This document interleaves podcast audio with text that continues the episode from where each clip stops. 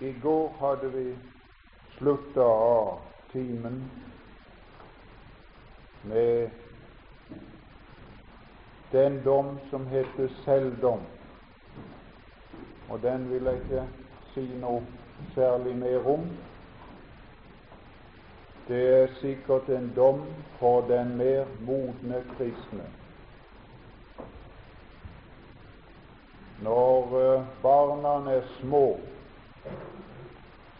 har de lite sans for skikk og bruk.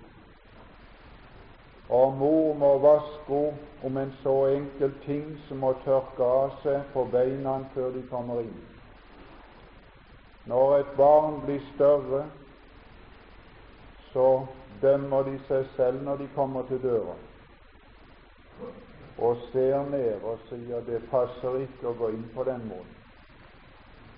Det dømmer seg selv, så slipper mor. Dersom vi dømte oss selv, så ble vi ikke dømt. Så slapp Herren.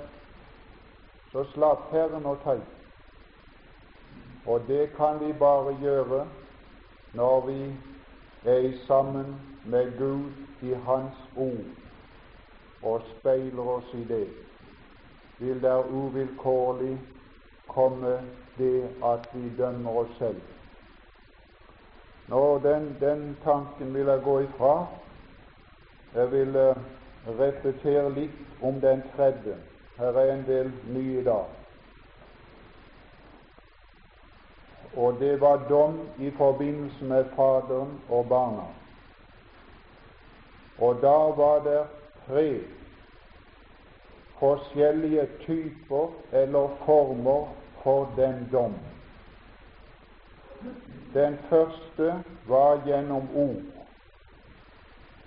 og da ord som særlig har med formaning å gjøre.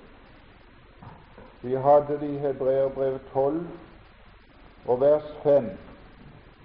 Dere har glemt den formaning. Og det er ikke vanskelig når en sitter på et møte og kjenner når en formaning treffer, når det når inn til hjertet, men spørsmålet er da hvordan en stiller seg til den formaningen. Om en tar den opp, om en søker Guds nåde og hjelp der, eller en akter den ringe og kaster den ifra seg og ikke vil la seg rett lede. Guds ord er gitt oss til rett ledning, til å lede vår fot og vår handling rett. Den andre formen, denne form, angår bare vår sjel, vårt innvortes menneske. Den andre form for tukk, for dom, angår også vårt legeme. Og der så vi at der var to former. Andre Korintiabrev 12. En tukt eller en belastning i legemet som var forebyggende for at ikke Paulus skulle opphøyse, hadde han fått en tårn i kjødet. Ikke fordi han hadde gjort synd, men for det var mulighet til stede for å gjøre synd, fikk han den tårnen i kjødet som skulle være forebyggende. Og det er her ut ifra at vi ikke kan dømme om et menneskes åndelige tilstand ut ifra den legemlige. Vi skal lese om en i Skriften som hadde en høyere åndelig standard enn hans legeme, i annet brev av Johannes.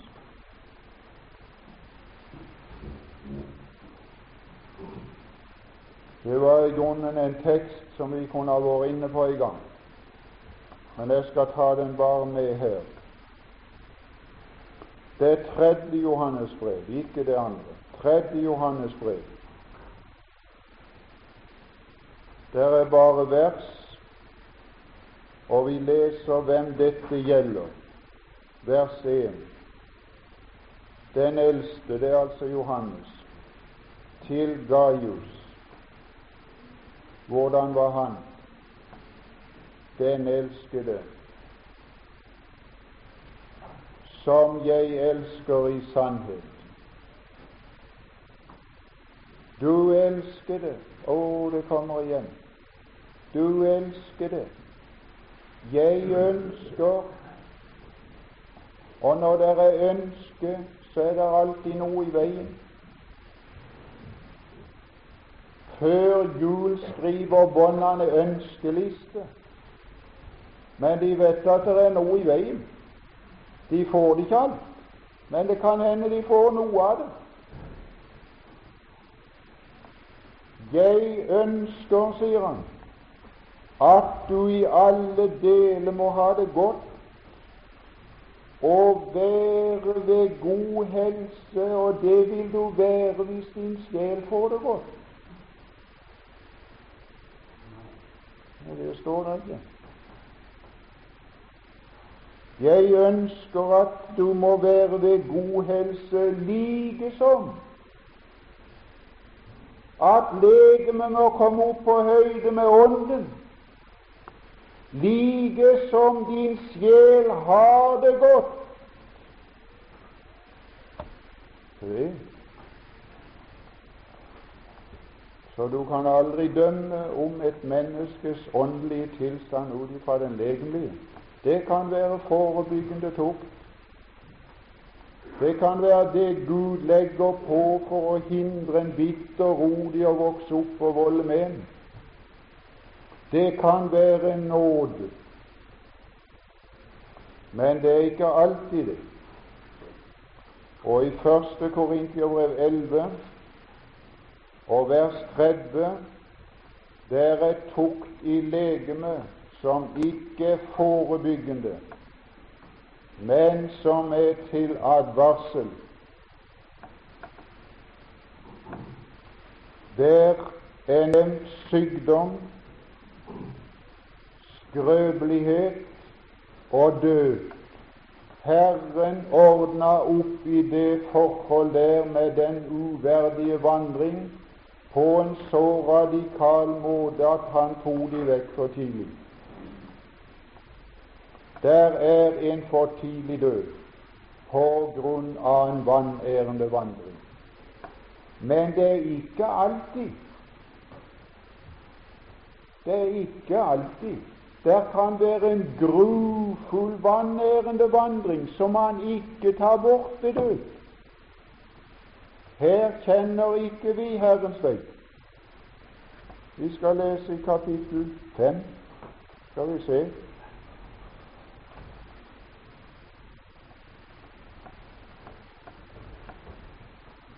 kapittel 5, fra vers 1. Her er en grufull vanærende vandring. I det hele høres det om hun som hadde gått florert før de ble troende. Iblant dere, og det slikt sier han, som ikke nevnes blant hedningene. Det er moralsk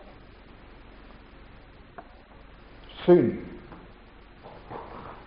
Så sier han hvordan Ja, så sier han i vers 2 I er oppblåst, mens I langt heller burde sørge. Si meg sjel, og slags sinnstilstand er der i oss. Prøv etter Prøv om du er oppblåst, eller prøv om du er åndelig. Den oppblåste ser på feil uten å sørge. Den åndelige ser på feil og lider ved feilen og stiller seg ikke høyt opp i skyene og ser ned på de stakkarene som er der nede. Han går ned og lider La oss prøve oss selv. At vi ikke får bare kunnskapen her oppe i hodet og ser ned på de stakkarene som ikke har hatt anledning til å få så mye kunnskap. Kunnskapen oppblåser, og da kan mennesket ikke lide. Dere burde sørge den åndelige sørger. Den oppblåste han ser ned. Så sier han en behandling her. Denne skal ikke utryddes. Denne skal ikke slås i hjel av Gud. Denne skal restaureres. Denne skal inn igjen, men han må først ut før han kan komme inn. Jeg for min del, som er fraværende i legeme, men nærværende i ånden, har allerede, som jeg var nærværende, felt den dom over den som har gjort dette, at han skal i vår Herre Jesu navn, i det i og min Herre menigheten med. Her er menighetens dom. Her er menighetens ansvar. Men jeg kan ikke tale om dette, for menigheten er gått i stå. Alt som heter menighet, er gått i stå. Og menighetstukt er gått i stå. For det er ingen åndelige og ingen ydmyke som du setter de utenfor, velger de seg bare en annen forsamling å gå inn i. Det er nesten, Jeg har nesten ikke sett et tilfelle at noen er blitt restaurert og kommet tilbake igjen. Det er så sjelden at jeg tror jeg kan telle det på ei hand. Men jeg kan ta det fram, for det er en sannhet. De skal samles i vår Herre Jesu kraft, overgis til Satan, til kjødet, det tok de legeme, til kjødets ødeleggelse, for at, for at, for at Hva var for at? Hans ånd kan bli frelst All tukt av barn, all tukt av de som er innenfor, har bare ett mål. Det er å få del i hellighet og bevares i stilling som barn. Det har aldri til hensikt å sende de ut. Jeg har aldri tukta mine barn ut av familien. Men når jeg tukter de, så er det for de inn i familien, i familiens prinsipp. Ja, det er her menigheten må vise at de har ikke samfunn med udømt synd. Og udømt synd, står der i siste vers, vers 13, kalles for ond. Og det som i Skriften kalles det onde, er smittsomt. Det er synd som ikke er dømt i en person. Det er synd som ikke er kjent. Det kalles ondt, og ondt er smittsomt og brer seg utover til de andre. Det onde stanses ved erkjennelse. Det onde stanses ved bekjennelse. Det onde stanses ved at du har erkjent du er ond, så er det ingen som anklager deg mer. Peter erkjente sitt fall. Det var ikke en som sa 'ha nok med deg sjel, du har selv på han'. Jeg har innrømt mitt fall. Og så er det onde stanser. Så brer det seg ikke mer. Ja, hva skulle de gjøre med han? Vi skal lese der ute, i vers 12. Hva har vel jeg med å dømme dem som er utenfor? Her er, det er ikke usynlig menighet. Det er ikke anonyme kristne. Det er helt utelukka i Skriften. Det er ikke anonyme brødre. Nei, her er brødrene kjent. Her er de troende kjent. Her er noe som er der innenfor, og her er noe som er der utenfor. Er det noen av dere som sitter og spekulerer i taket og sier 'jeg skal vite om det er et lys til dag'? Det er ikke godt å vite det for noen. Dere er lys i verden. Skulle noen behøve å være i tvil, skulle noen leve så skjult sitt gudsliv at andre var i tvil, dømmer ikke også i bare de som er innenfor. Tror du det er noe vanskelig for mine søsken når de kommer ut, og spør hvor mange de er? Er det noe vanskelig for de å svare hvor mange de er? Sier de med en gang det må du aldri spørre om.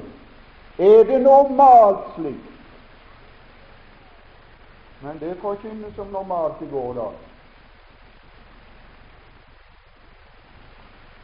Men dem som er utenfor, skal Gud dømme. De har ikke vi noe med. Det er ikke tiden. Det er ikke tiden. Støv ved handlingen. Da den onde, den som fortsetter i udømt synd, og som derfor har smittsom synd, stødog den onde ut fra dere, men ikke sten ham, som i Det gamle testamentet. Da skulle de utrydde den onde av jordens overflate, for at ikke den skulle smitte i Israels menighet. Men det skal en ikke nå. Han skal heller ikke dø, denne herre her. Gjennom den behandling skal han komme til erkjennelse, og han kom til erkjennelse. Og vi skal lese det andre brev og det andre kapittel.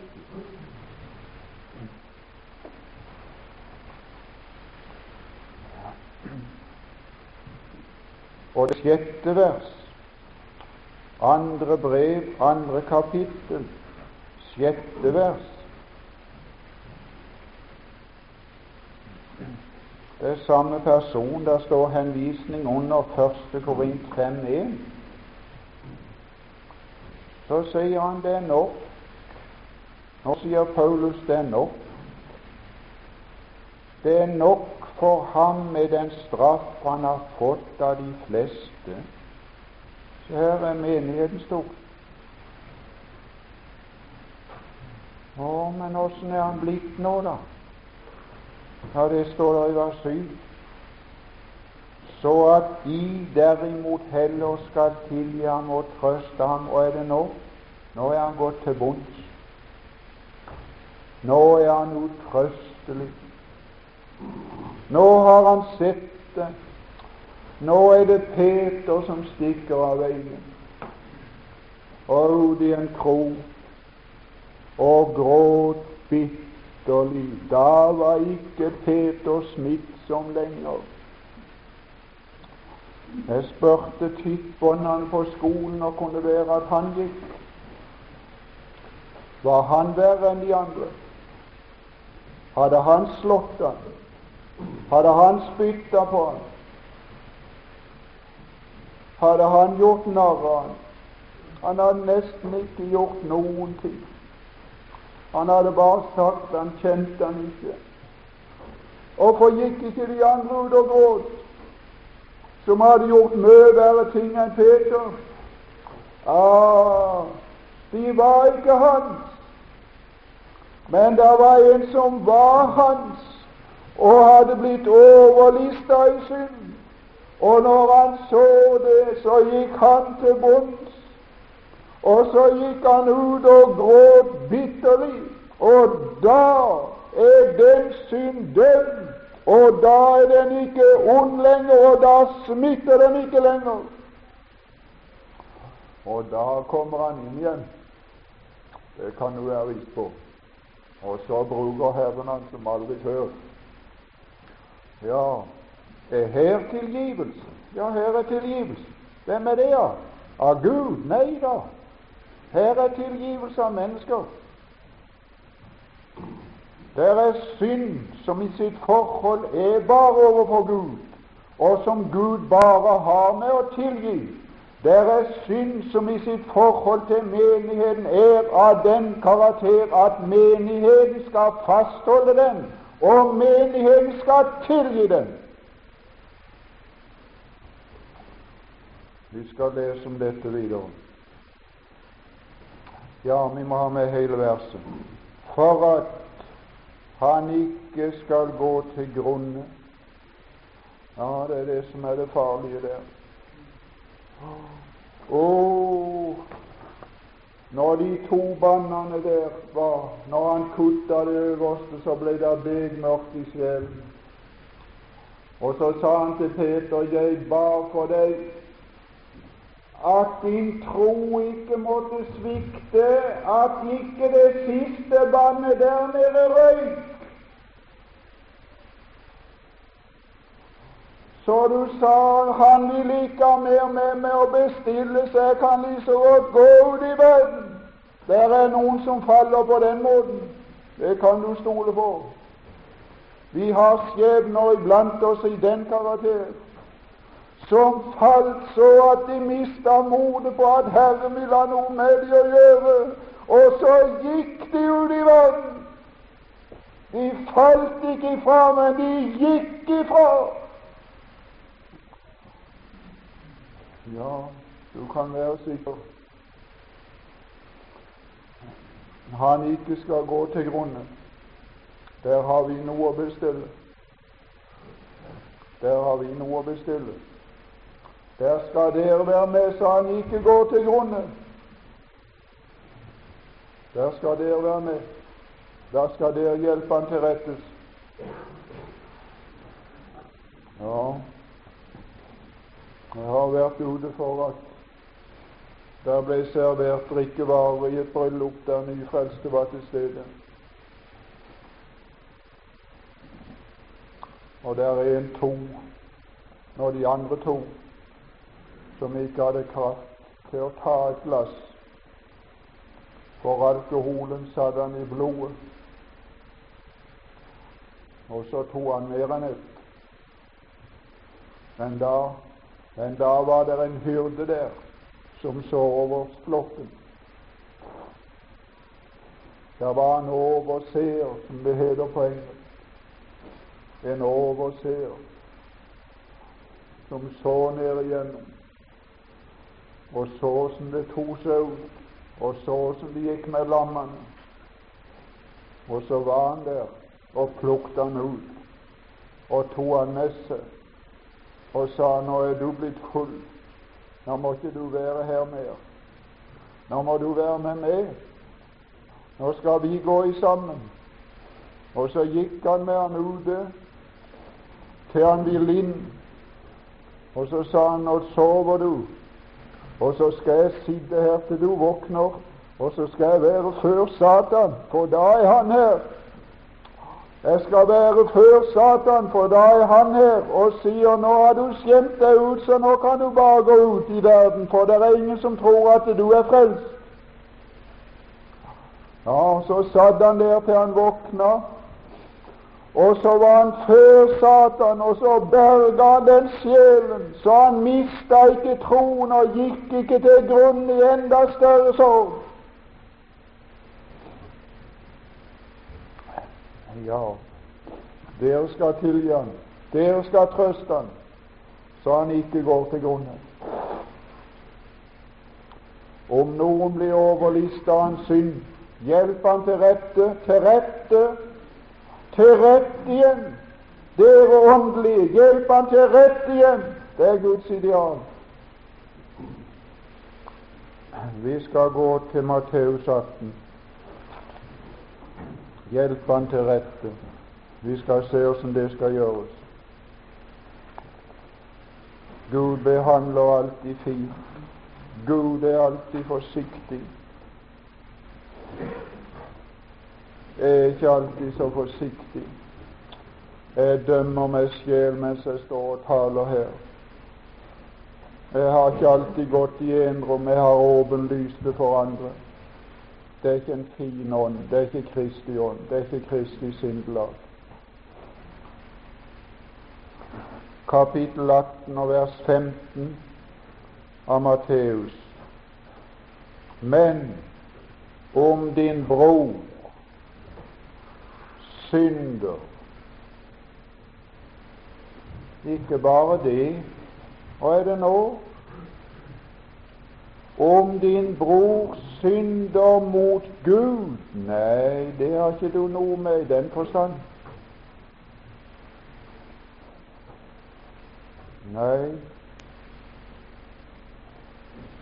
Om din bror synder mot deg, så det er en bestemt slags synd. Det er en bestemt behandling.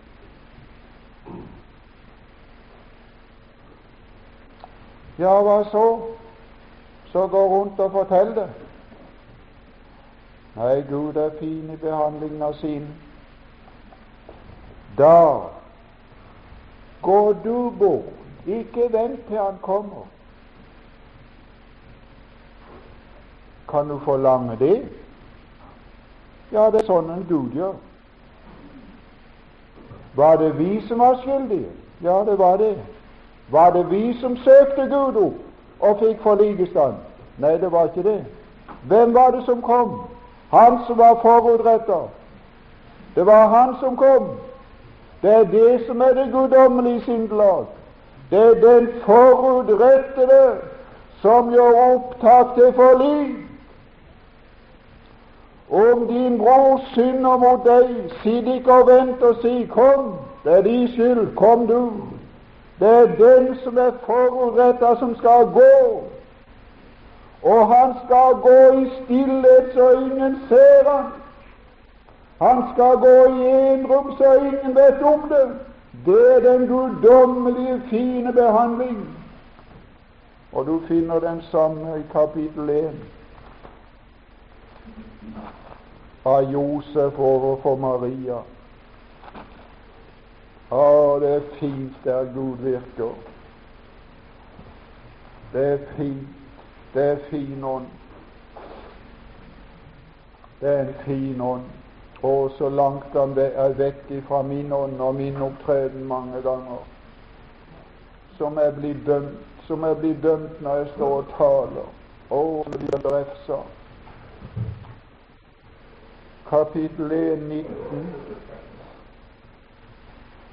Ja, han blir oppmerksom på, Josef blir oppmerksom på at hans forlovede er med barn. Så blir han rasende, vel. Så sender han opp på døren. Nei, vel. Men Ja, her er menn. Ja, her er menn som kan få slå. Men Josef, hennes mann, som var rettferdig og ikke ville føre skam over henne, og lett det har for å føre skam over en bror ved å fortelle hvor galt han har gjort imot meg, så hever jeg meg sjel, men jeg fører skam over en bror i familien. Han ville ikke føre skam over henne. Åssen gjorde han det da? Han ville skille seg fra henne i stillhet, så ingen la merke til det. Ah, det er samme, det er enrom. Gå du til han, gå i kveld når det er mørkt, bank på, kall han ut. Ingen skal se det, og ingen skal høre det. Det er bare dere to som skal være alene der. Og så skal du irettesette han. Ja, hvorfor skal du gjøre det? For selvfølgelig for å få rett, og langt ifra. Jeg skal ha min rett. Han skal innrømme han har gjort galt. Jeg skal ha rett, for jeg hadde rett. Jeg har ikke noe med rett å bestille. Det har ikke noe med å få retten her. Det er noe ganske annet som er i sikte. Vet du hva det er? Hvis han hører på deg og bekjenner, så for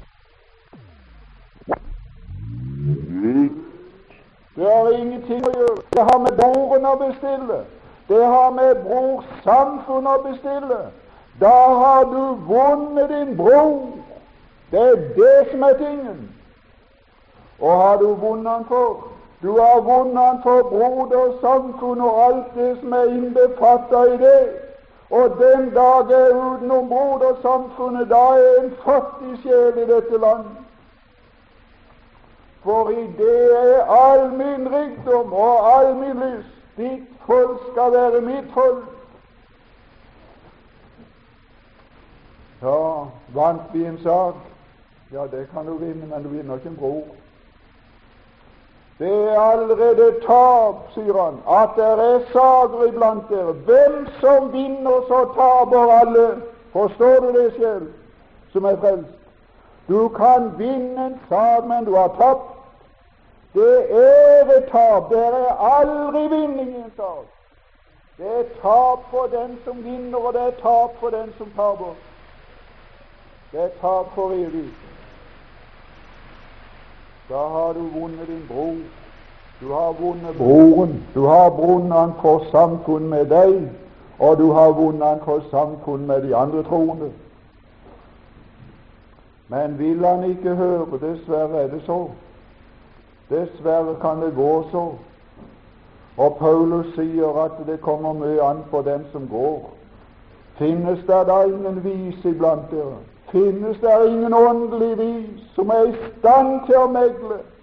Finnes det ingen åndelig vis som kan ordne opp i sagaen mellom de troende og få de til å forstå som de må stelle seg som troende?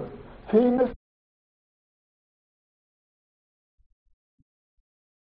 som de troende, og få de til å forstå som de må stelle seg som troende? Finnes det ingen vis iblant dere, sier han. Det går til øvrigheten, der går til verden, der går til de som står lavere enn dere. Men vil han ikke høre, ja, da må han gå et skritt til. Da ta med en eller to, for at enhver sak skal stå fast ved to eller tre vitners ord.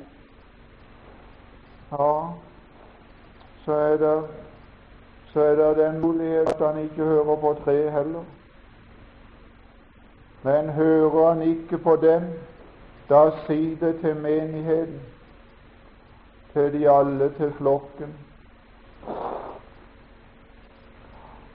Men hører han ikke på menigheten, da skal han være en hedning og tolder.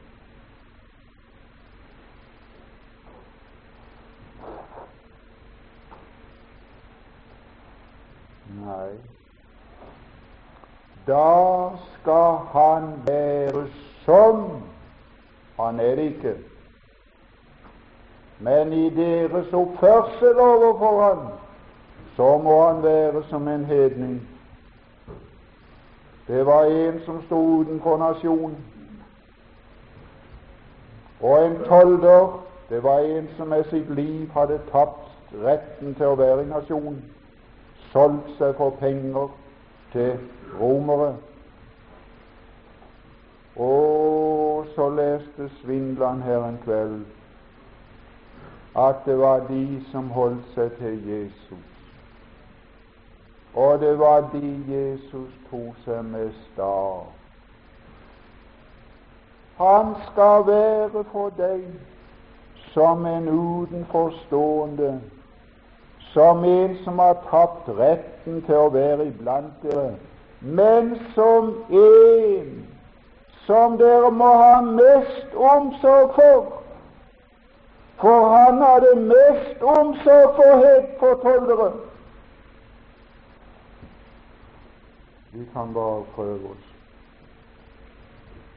Vi kan. Og så var det å binde, og så var det å løse. Ja, ja her er bind, og her er å løse. Her er å fastholde, og her er å tilgi. Men ikke i forhold til Gud. I forhold til brødre. Sannelig sier jeg eder, alt det i som menighet, som troende kristenflokk, på den måten ved å støte han ut og fastholde hans synd fordi den ikke er dømt, det skal være bonde i himmelen. Det sanksjonerer jeg. Og det dere løser på jorden, det er 2. Korint 2,6. Dere skal tilgi han. Det er nok med den straff han har fått av de fleste. Dere skal tilgi han. Dere skal trøste han ved tilgivelse, så han ikke går til grunne, så han restaureres og kommer inn i menigheten. Det dere løser på jorden, skal være løst i himmelen, sanksjoneres der oppe. Og så kommer to og tre som nevnes uavlatelig i våre samvær. Men det har ikke noe med alminnelig samvær å gjøre i en forstand. Det har med denne handling å gjøre. Atter sier eder, alt det to av eder på jorden blir enige å be om, det skal gis av min Fader i himmelen. For hvor to eller tre er samlet i mitt navn, og i sin praksis vil opprettholde Jesu navn i en troende venneflokk, og må fornekte det som skjemmer ut for det navnet,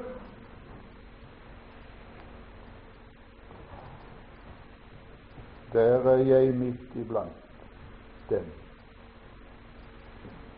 Det er fakta, det er forhold. Nå skal vi ta et, et annet ord, et misforstått ord.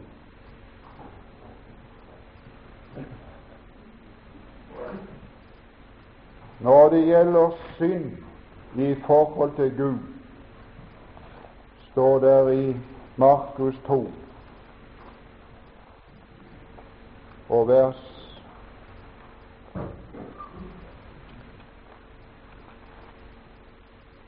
7. Vi leser fem til sju. Her skal vi komme inn på ting som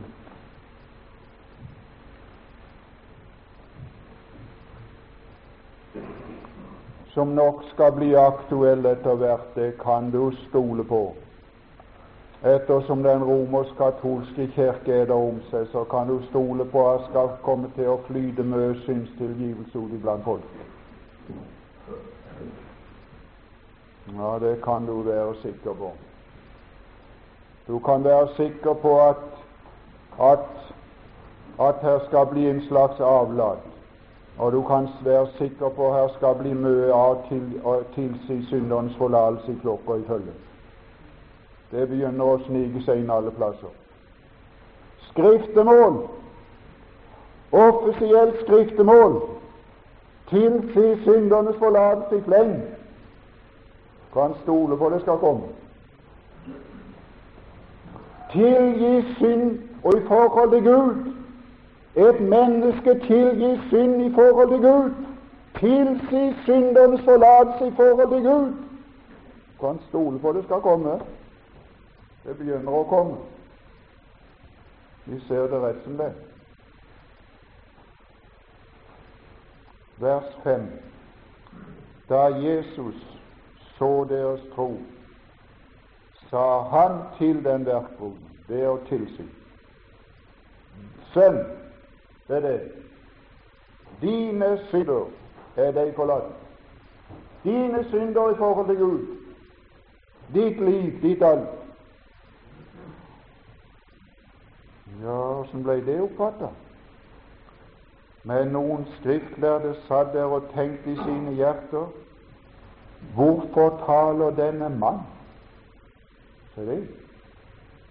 Hvorfor taler denne mann så han er en mann. Han spotter Gud. Hvem kan forlate synder uten en? Det er Gud. Han var Gud. Og som Gud kunne han tilsi en bestemt sjel og si sønn, dine synder er deg forlatt. Det kan ikke sies av en mann Det er fullstendig rett etter Skriften. De hadde ikke galt alt, de fariseere. Hvorfor taler denne mann? Der hadde de feil. Det var der de hadde feil. Han var ikke en mann. Han var Gud og kunne se inn til hjertet og tilsi. Men alle som er forkynner, og en mann, kan ikke tilsi synd til en bestemt person fra Gud. Da griper han inn i en rett som han ikke har noe med å bestille. Hva skal han? Han skal forkynne. Og alle plasser Jeg tror jeg får ta som i munnen. Nå har jeg ikke undersøkt dette, for dette har jeg holdt på med i dag morges, og ikke fått tid til siden jeg våkna. Så langt som jeg har funnet nå, når det er tale om syndernes forlatelse i forhold der en mann har med å gjøre, da står det alltid i forbindelse med å forkynne og ikke tilsi. Det som er fatta. Vi skal lese det her i Lukas 24.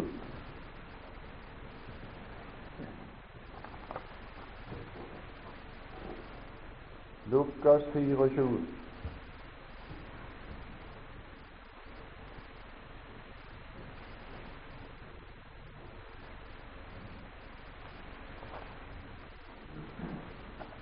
Å ja, nå fikk jeg noe igjen. Ja, det passet inn.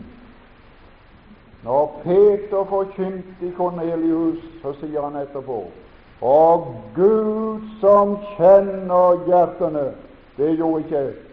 Jeg forkynte, men Gud som kjenner hjertene, ga dem vitnesbyrd.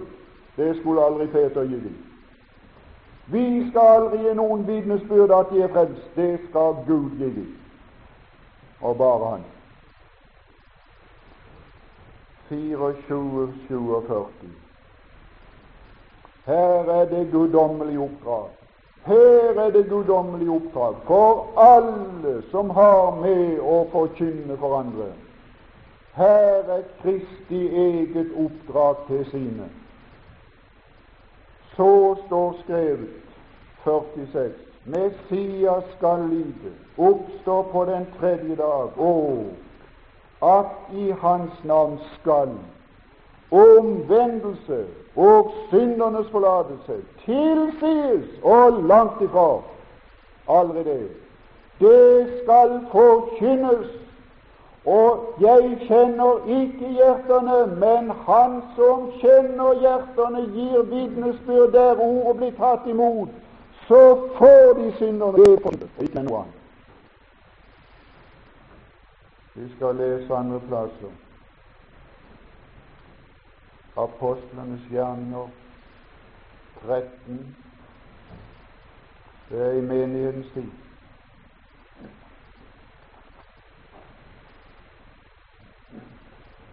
Vis meg en plass i Skriften at det er praktisert at en har tilsagt en annen synderens forlatelse. Vis meg en plass. Jeg har ikke funnet det.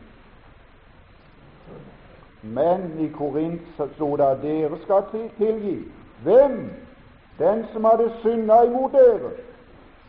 Dere skal forlate.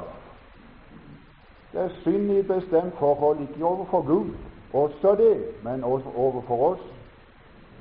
13, vers 38. Og det er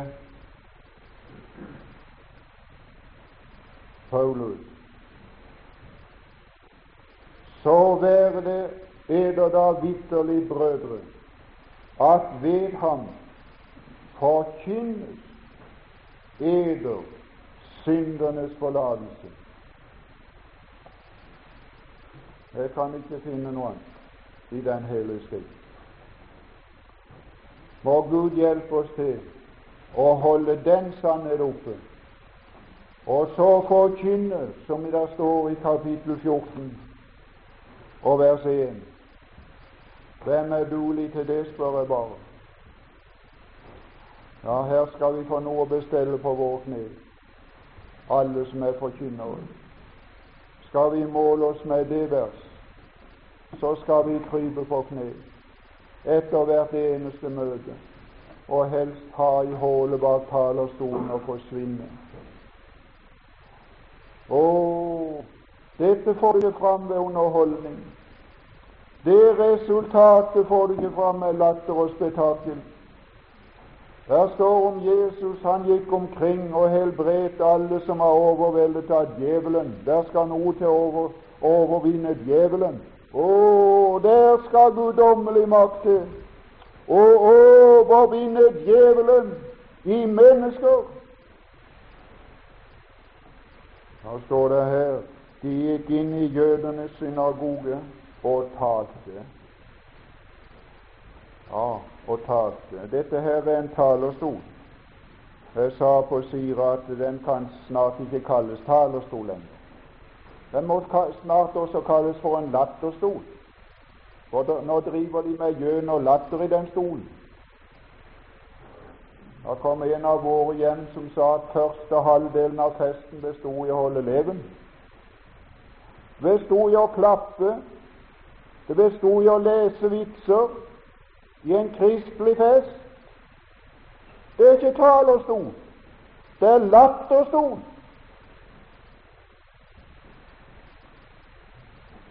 Nei, her talte de.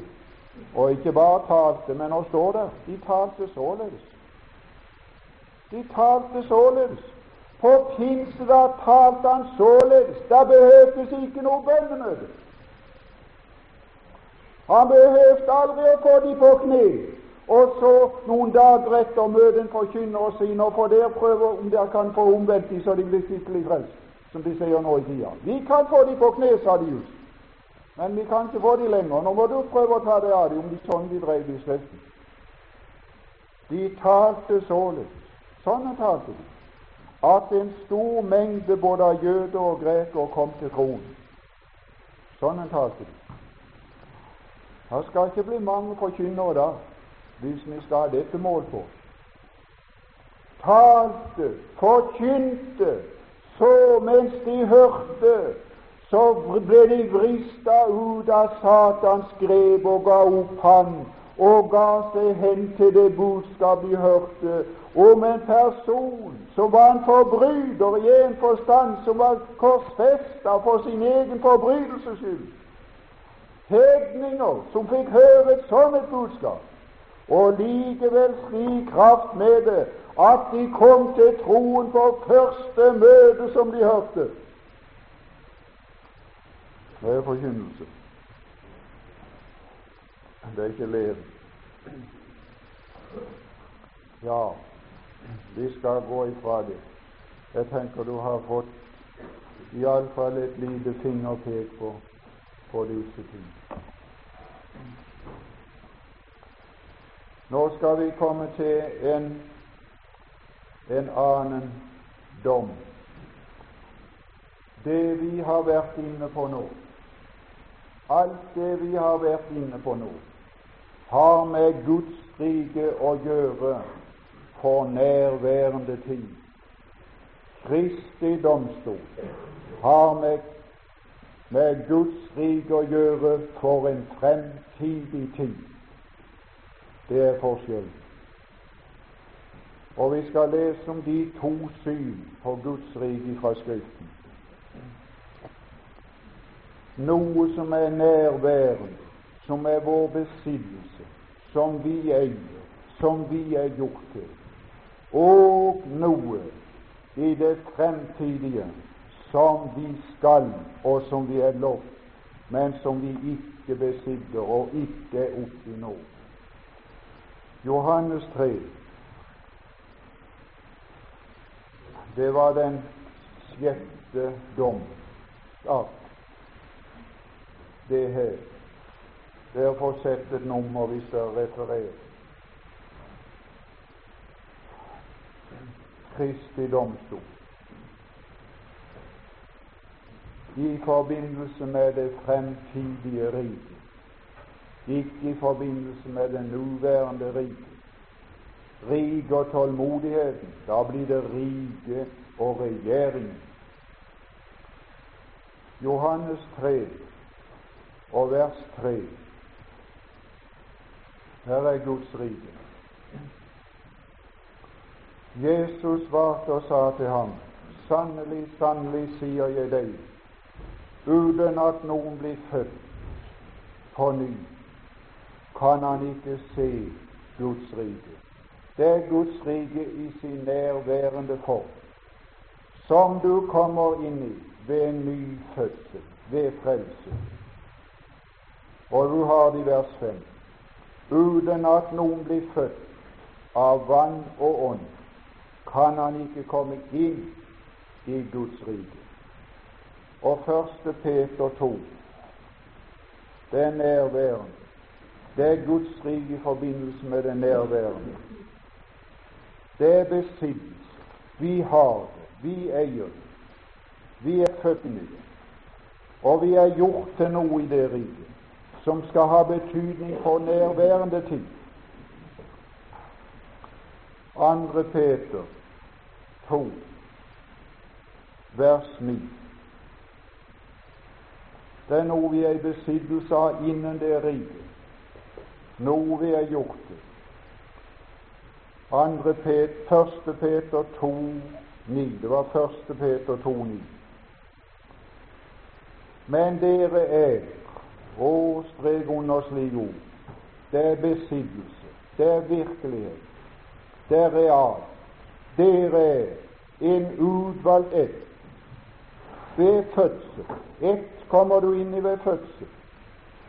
Vi hadde en hjemme hos, nå, hos oss nå som, som er gift med min bror. Hun er kommet inn i etten ved å gifte seg. Men jeg kommet inn i ætten ved fødsel. Det er en ganske annen måte.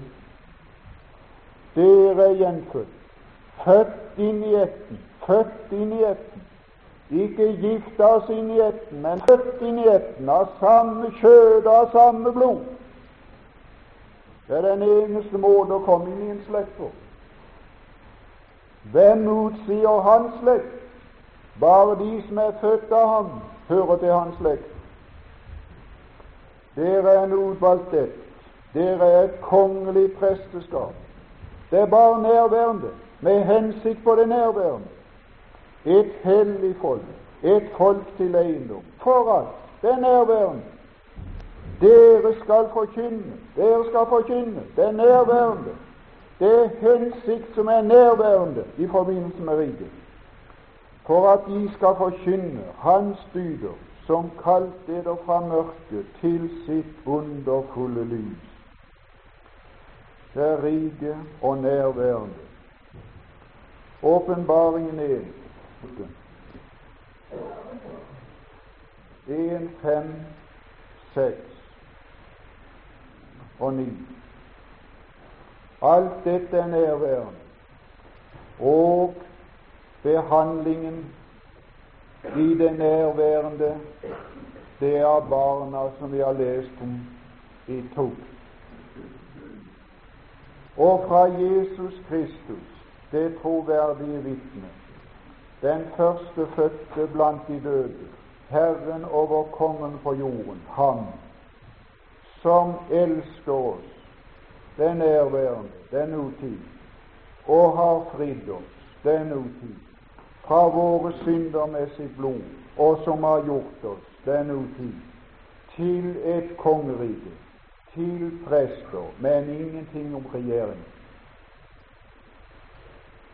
Ingenting. Til prester for Gud og sin Fader. Ham være æren i og styrken i all evighet. Amen. Og dertil går det. Det går til riket og det nærværet. Og vi leser i vers 9 Jeg, Johannes, som er eders bror, og har det, og har det, og har han det, med eder i trengselen og riket. Ikke herligheten og riket. Det er fremtidig. Det er Kristi domstol det er for riket og herligheten. Og tålmodigheten i Jesus. Jeg var på den ø, jeg var forkasta. Jeg var på den ø som kalles Patmos.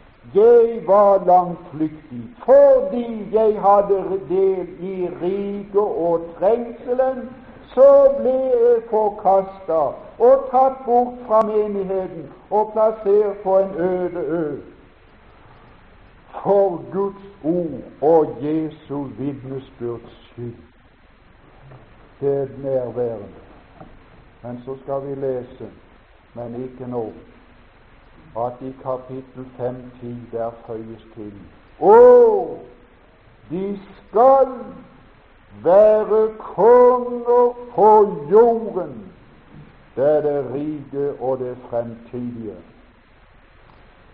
Og det er det vi lider for, det fremtidige riket. Fader i himmelen. Ja, vi er små, og vi blir små under ditt ords hørelse. Jeg blir, for, jeg blir liten for min del. Jeg ønsker helst å forsvinne. For når jeg skal måle med ditt mål, så kommer jeg til kort alle veier. Men jeg takker deg, Herre, for du forkaster ikke når du undersøker, men du tar prøver for å vise realiteten i vår tro, og også for å øke vår tro, så det blir noe mer likedannelse i vår karakter med ditt ideal. Vil du oss nå, Herre, til ikke å forkaste ordet, men til å ta det velvillig opp og undersøke om det har seg således, og på den måten kunne berikes i vårt liv som kristne. Herre, måtte bibelkurset gjøre oss til bibelkristne. Å, hjelp oss alle til det. Så signer du og hjelper du oss videre denne dag her på kurset, under timer og utenom ellers. Hold oss fast og hold oss under din innflytelse. Vi trenger det så såre. Vi ber i Jesu navn. Amen.